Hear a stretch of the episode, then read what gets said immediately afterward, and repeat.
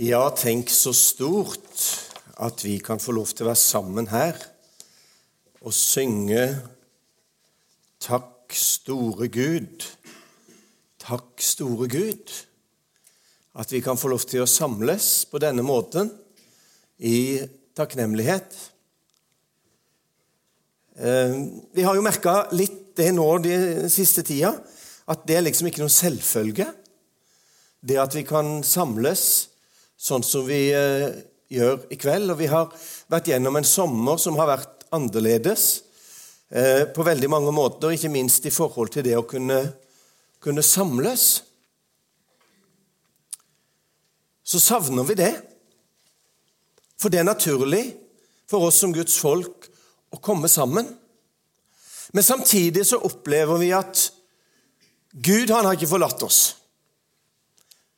Om ikke vi kan møtes på denne måten, så kan vi få lov til å møte Gud. Og Jeg skal begynne i kveld med et vitnesbyrd ifra det sterkeste vekkelsesmøtet som jeg har vært med på i sommer. Og det vekkelsesmøtet, det opplevde jeg på en benk utenfor Mjøndalen bakeri. Sammen med Olai på fire år. Vi satt på benken utenfor bakeriet og spiste ferske skolebrød. Det er godt. Olai hadde nettopp blitt storebror, og vi hadde nettopp gått en tur i sammen. For uh, mamma var opptatt med babyen og med andre ting. Så det var bare Olai og meg som gikk tur. Og vi opplevde masse. Vi så gressklippere som gikk av seg sjøl. Har du sett det? Det er fantastisk. Vi så arbeidsfolk som drev og legge asfalt. Det var svære maskiner. Det var rykende varm asfalt. Det var spennende. Det var kjempespennende. Vi gikk videre, og vi så Kom til Veiabekken og så en svane som seilte sånn forsiktig der under broa som vi gikk over. Det ble mange spørsmål. Ja, gutten hadde mye han lurte på. Han Han hadde mye på hjertet. Og vi fikk en veldig fin samtale om alt det vi så, om alt det som skjedde, om lillebroren som var blitt født, og alt som var, og alt som hadde vært. Og så sitter vi altså der nå, for nå måtte vi jo slappe av, og så måtte vi kose oss litt. Og så sitter vi der på benken utenfor bakeriet og har vært og handla, og så sitter vi der og koser oss. Det er sol, og det er nydelig flott å sitte der. Så, så kommer det en del folk gående, eh, og de stiller seg fint i kø en meters avstand ikke sant, for å inn og kjøpe bakervarer. Men, men liksom, fordi at det var ikke bare å storme inn på butikken, så var det liksom flere som, som la veien bortom oss, og så stoppa de liksom forbi og sa Så koselig dere har det, så fint det ser ut som dere to har det. Her på benken i dag i solskinnet, det ser ut som dere har det helt fantastisk. Og i det så opplever jeg at Gud kommer. Og så ser han, 'Kjell, dette er et viktig øyeblikk.' Dette er viktig, det du nå får lov til å være med på. Det å sitte her sammen med fireåringen og dele livet og dele opplevelsene og prøve å svare på spørsmåla og prøve å få lov til å gi noe av det som du har fått gjennom et langt liv. Dette er viktig. Og så begynte jeg liksom å tenke på alt det viktige jeg har vært med på. Jeg har vært med på tusenvis av viktige møter. Er sikker. såkalt viktige møter. Jeg har vært sammen med såkalt viktige mennesker som har hatt plassering og posisjon og betydning i samfunnet, i menighetsliv, i kristenheten i Norge. Og prioritert veldig lett at det er klart det er viktig for meg som en viktig person å være på viktige møter. Det er jo viktig å være viktig i den tida som vi lever i.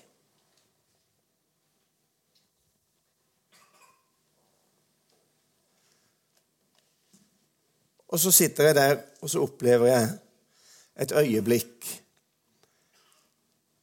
av Guds nærvær over at det å få lov til å være sammen med Olai kanskje er det viktigste. Kanskje er det viktigste som jeg kan få lov til å bidra med her på denne jord. Å få lov til å være til stede sammen med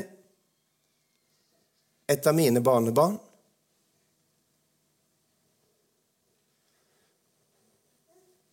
Gud kan tale på mange måter. Det hender til og man kan bruke Odd Nordstoga. Men det er vel ingen av dere som har uh, hørt på Odd Nordstoga når han synger om en farfar i livet. Skulle alle ha. En som alltid har lyst på en kaffekopp og tid til å kaste bort på en liten kropp. En farfar i livet skulle alle ha. En som har tid til å kaste bort. Kaste bort. Bortkasta tid. Er dette bortkasta tid? Å bruke tid sammen med fireåringen der på benken, er det bortkasta tid på en liten kropp? Og så tenker jeg Fins det noe viktigere i familiene våre, i hjemmene våre, i menighetene våre, enn at det fins noen ja, Vi snakker ofte om åndelige foreldre, åndelige mødre og fedre. Men jeg tror òg det trengs noen åndelige bestemødre og bestefedre. Som kan være der. Som kan være til stede der. Som har tid der. For dette er jo ikke bortkasta, men eh, kanskje det viktigste. Paulus bruker Dette her skulle være om takknemlighet og glede. Paulus bruker, bruker noen veldig sterke ord når han snakker om ansvaret vårt for familien. Han sier det at den som ikke har omsorg for sine egne, Mest av alt sin egen familie. Og så ser han noe om hvem de er verre enn. Og det tror jeg ikke jeg tør å si engang. Men det, kraftig, det, ble et kraftig vekkelsesmøte eh, for meg der jeg satt. Og det på en måte det endra fokus og det endra perspektiv eh, for mitt liv og for min tjeneste. Jeg tror ikke jeg se det sånn fordi at jeg opplevde en utrolig takknemlighet. Tenk at jeg kunne få lov til å sitte der i sammen med en liten kropp. Og så kunne jeg få lov til å dele noe av mitt liv. Og Så sitter Guro og Olai og de andre hjemme ved frokostbordet hos oss i dag. Og så forteller hun om at en kveld når hun skulle legge Olai, så spør han etter de er ferdige å be aftenbønn mamma, kan jeg få lov til å be litt mer for meg sjøl. Og Så hadde hun lytta litt ved døra, og så hadde hun hørt en som hadde sagt 'Kjære Jesus', og så hadde det kommet litt av hvert utover. Amen. Og så hadde han begynt på igjen. Noen av oss var på pastorinnsettelse i går kveld. eh, i Moss. Ruben Vea er innsatt som pastor i Misjonshuset i Moss i går. Det var en fantastisk flott kveld. Når Ruben står der eh, klar for å gå inn i tjenesten sin, eh, så første han gjør, noe av det første han gjør i talen sin, det er at han henter fram mor og faren sin. For de satt i salen. Så henter han fram mamma og pappa. Hvorfor gjør han det? Han henter fra mamma og pappa, så henger han en gullmedalje på hver av dem. Hvorfor gjør han det? Han gjør det i takknemlighet. For han sier hadde det ikke vært for mamma og pappa, så hadde ikke jeg vært der jeg er i dag. Og så hadde ikke jeg i dag vært klar til å gå inn i denne tjenesten. Og når han liksom hadde hedra mamma og pappa, så drar han opp på skjermen.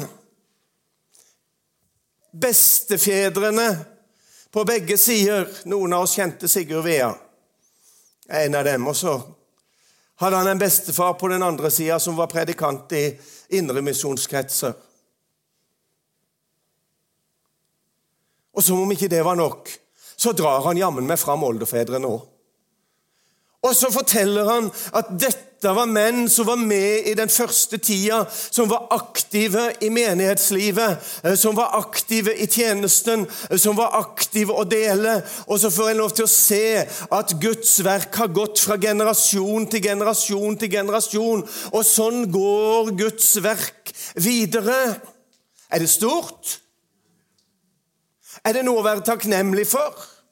Fins det noe større, fins det noe viktigere enn å kunne få lov til å være med og tjene Gud? I nære relasjoner, ville vi kanskje ha sagt fint i dag.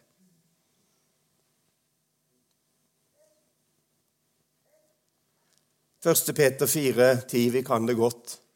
Ettersom enhver av dere har fått en nådegave så tjen hverandre med den, som gode forvaltere, husholdere over Guds mangfoldige, mangehånde nåde.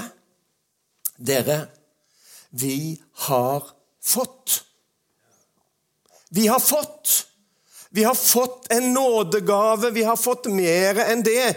Jeg måtte måtte, altså når jeg satt og forberedte meg på dette, her, eh, så måtte jeg ned i skibolett litt.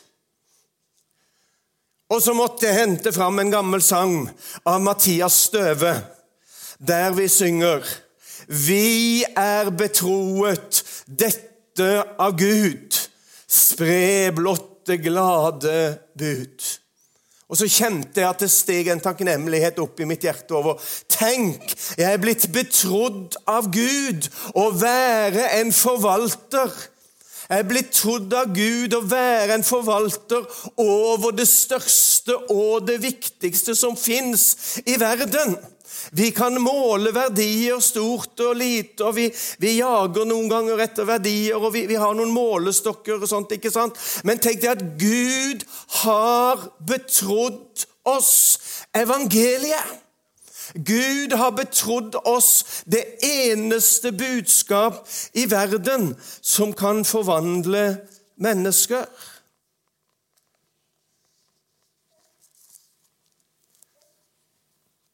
Han lever, og jeg skal forbringe hans venner det salige ord. Tenk jeg som er ringest blant ringe, den minste han kjenner på jord. Tenk jeg skal hans hilsen frembære, og kunne jeg synge det ut, mer kunne ei engler begjære enn gå med så salig et bud. Det var ikke englene som fikk oppdraget å gå med budskapet om Jesu oppstandelse. Men det var de ringeste av de ringe. Det var det som var lavest nede på rangstien, som egentlig ikke hadde vitnetroverdighet i noen som helst sak. Det var blant det der nede eh, som Gud utvalgte seg sine vitner for å vitne om det største budskapet som fins i verden. Han valgte noen gjeter, og han valgte Maria, og han valgte deg, og han valgte meg. Mer kunne ei engler begjære. Dette er for stort for englene. Det er sant, det.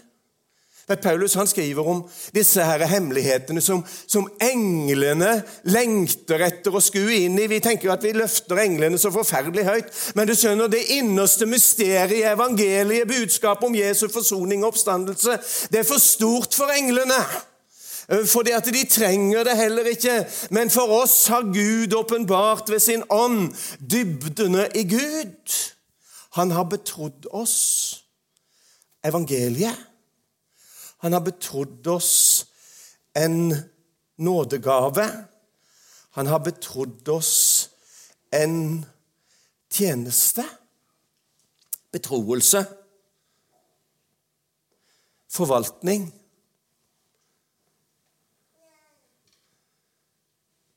Gud har betrodd at du skal få lov til, og at jeg skal få lov til, å tjene den høyeste med det viktigste. Ettersom enhver av dere har fått. Gud har gitt. Og så er denne eiendommen som egentlig er hans. For det er egentlig et forvalteransvar av det som er hans. Det har han betrodd oss. Og da kjenner jeg litt for den sangen nå, da. Tenk hvilken nåde, så stor av Gud, at jeg får være Hans sendebud. Vi har så lett for dere mange ganger å se smått på det med tjeneste, eller, eller se krevende på det med tjeneste. Vi tenker at det å tjene Gud det er liksom noe sånn der som tres ned over huet på oss, som vi liksom må gjøre fordi at det er en forventning, enten fra, fra menigheten eller fra naboen eller fra noen andre eller, eller fra Gud eller hva det måtte være. Men, men, men, dette forventningspresset, det må vi bare få lov til å legge fra oss, og så må vi løfte blikket og så må vi si Tenk Gud, den allmektige og store Gud, når jeg i undring aner. Og når vi sang denne sangen her, så tenkte jeg Tenk denne store store Gud, han har betrodd Kjell at han skal få lov til å være bestefar.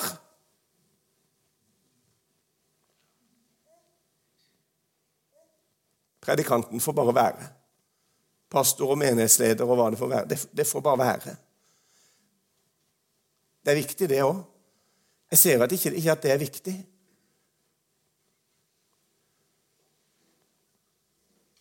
Men for meg så så ble det en vekkelse. Og så kjenner en en takknemlighet og en glede og et forvalteransvar. Et forvalteransvar om å få lov til å være Ja, ja, om det nå som bare får være bestefar, da. For det er jo noe fint med det å få være bestefar. Vi har jo noen privilegier. Det er jo noen av oss her i dag. Vi har jo noen privilegier. Vi har lov til å skjemme litt bort. Har vi ikke det? Vi har lov til å være litt rause. Vi har lov til å være litt overbærende. Oppdrageransvaret er jo egentlig ikke vårt. Oppdrageransvaret det er jo egentlig foreldrene sine. Så, så, det å være besteforeldre det er jo egentlig et privilegium i å få lov til å gi både én is og to is, og, og, og, og være litt raus. Og hun som sitter der vet, Hvis ungene hvis de gjør et eller annet som foreldrene syns ikke er helt greit, så, så har hun en egen evne til å dekke over. Nei, men Det gjør jo ingenting. Du kan skjønne Det er ikke farlig. Det er ikke farlig, det spiller ingen rolle om du har sølt utover hele duken, om du har øst ut hele mugga med hva det måtte være utover hele duken. Det gjør ingenting, det. Vi har vaskemaskin. Vi ordner opp. Vi ordner opp for barnebarna våre. Det gjør ingenting. Vi er rause. Det trengs noen besteforeldre i menigheten som har tid, som har raushet, som kan sløse litt med godheten, som kan sløse litt med kjærligheten, som kan være litt overbærende som kan være litt på, på giversida. Ja vi, vi kan bli slitne. Vi kan det. Vi har hatt fire stykker hos oss i natt. Jeg kom hjem klokka elleve i går kveld etter å ha vært på fest i Moss. og La meg på sofaen på TV-stua på loftet skulle av sted på formiddagsmøte på Setre klokka 11 i dag. Eh, så det er klart at eh, det merkes at eh, huset står litt på ende og, og sånn. Men er det ikke deilig, det? Å se at det er liv? Se at det er friskt? Se at det vokser? Se at det utvikler seg? Se at det blir tenåringer med sine utfordringer. Det er krevende. Det er grensesprengende, iallfall testing av grenser hele veien osv. Tålegrensene tøyes noen ganger til det ytterste. Iallfall for de av oss som har litt temperament. Så kan vi kjenne at det tøyes litt i det ytterste. Men så stopper det liksom, og så kjenner vi Ja, men de er jo våre. Vi elsker de jo.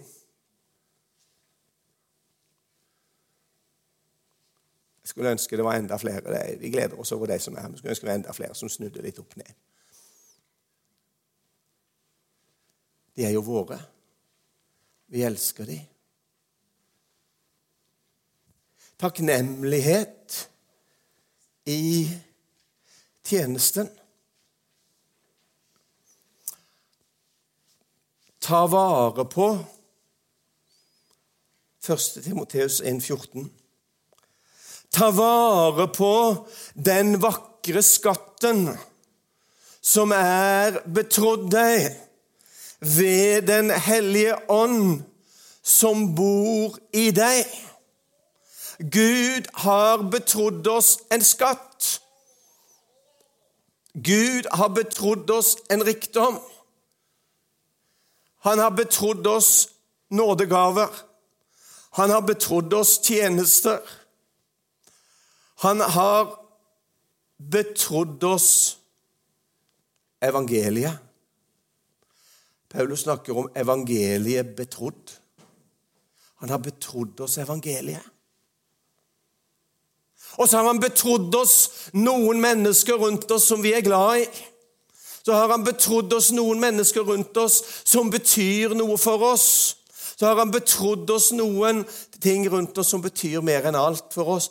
La oss ta vare på den vakre skatten som Gud har betrodd oss. Og så har noen av dere hørt at jeg har preka om skattkammer i Guds hus og skattene som Gud har gitt. Og så har jeg sagt det sånn at de skattene og de rikdommene som Gud har gitt oss, de er så store og de er så verdifulle at de er til og med attraktive for fienden. Og nettopp derfor så er det at Paulus kommer med denne formaningen, og så sier han ta vare på det viktigste. Ta vare på det viktigste, skatten som du har fått. For det er det eneste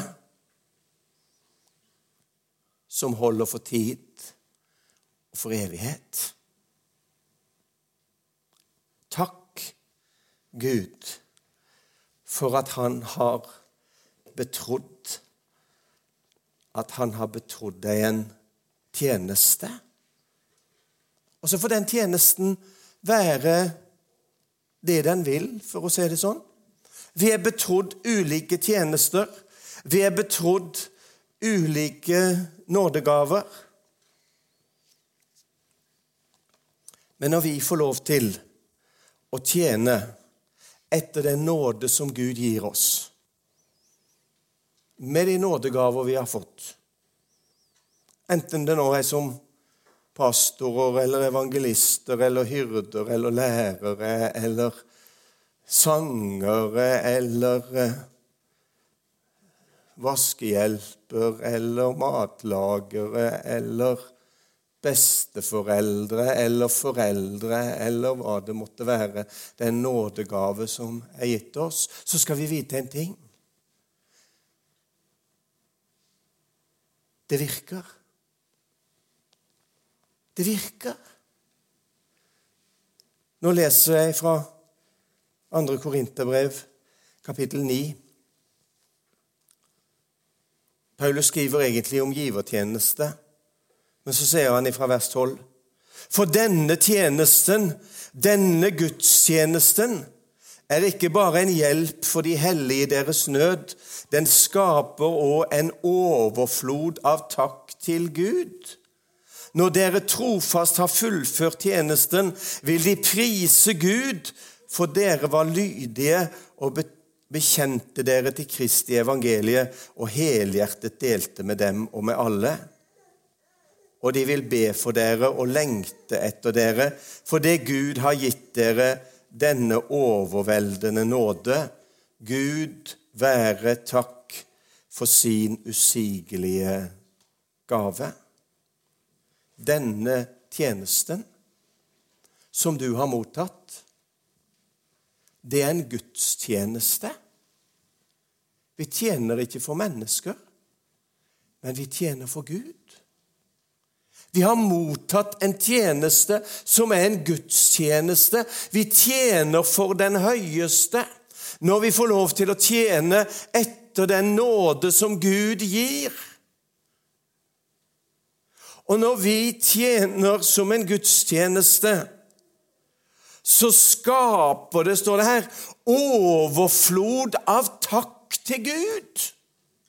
Tenk om vi kunne få lov til å tjene hverandre på en sånn måte at istedenfor at vi gikk rundt og var misfornøyd med alt som vi ikke gjorde bra nok, eh, så kunne vi få lov til å takke Gud for hverandres tjeneste og for hverandres nådegave og prise Herren fordi Han har betrodd oss nådegave, Han har betrodd oss tjeneste, Han har betrodd oss evangeliet. Vi skal få lov til å være gode forvaltere over Guds mangfoldige nåde.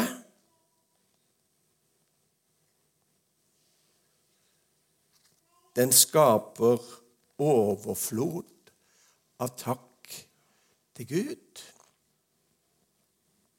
Og så tror jeg kanskje at denne takken den må begynne i mitt hjerte.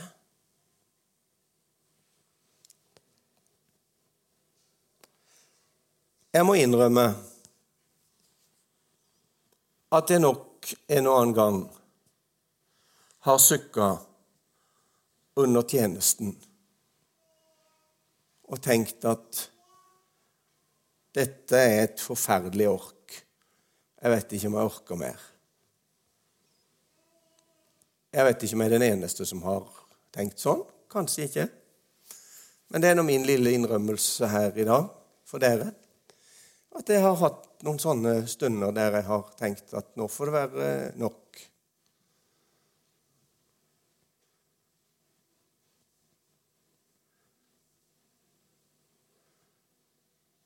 Hvor store Gud, når jeg i undring aner.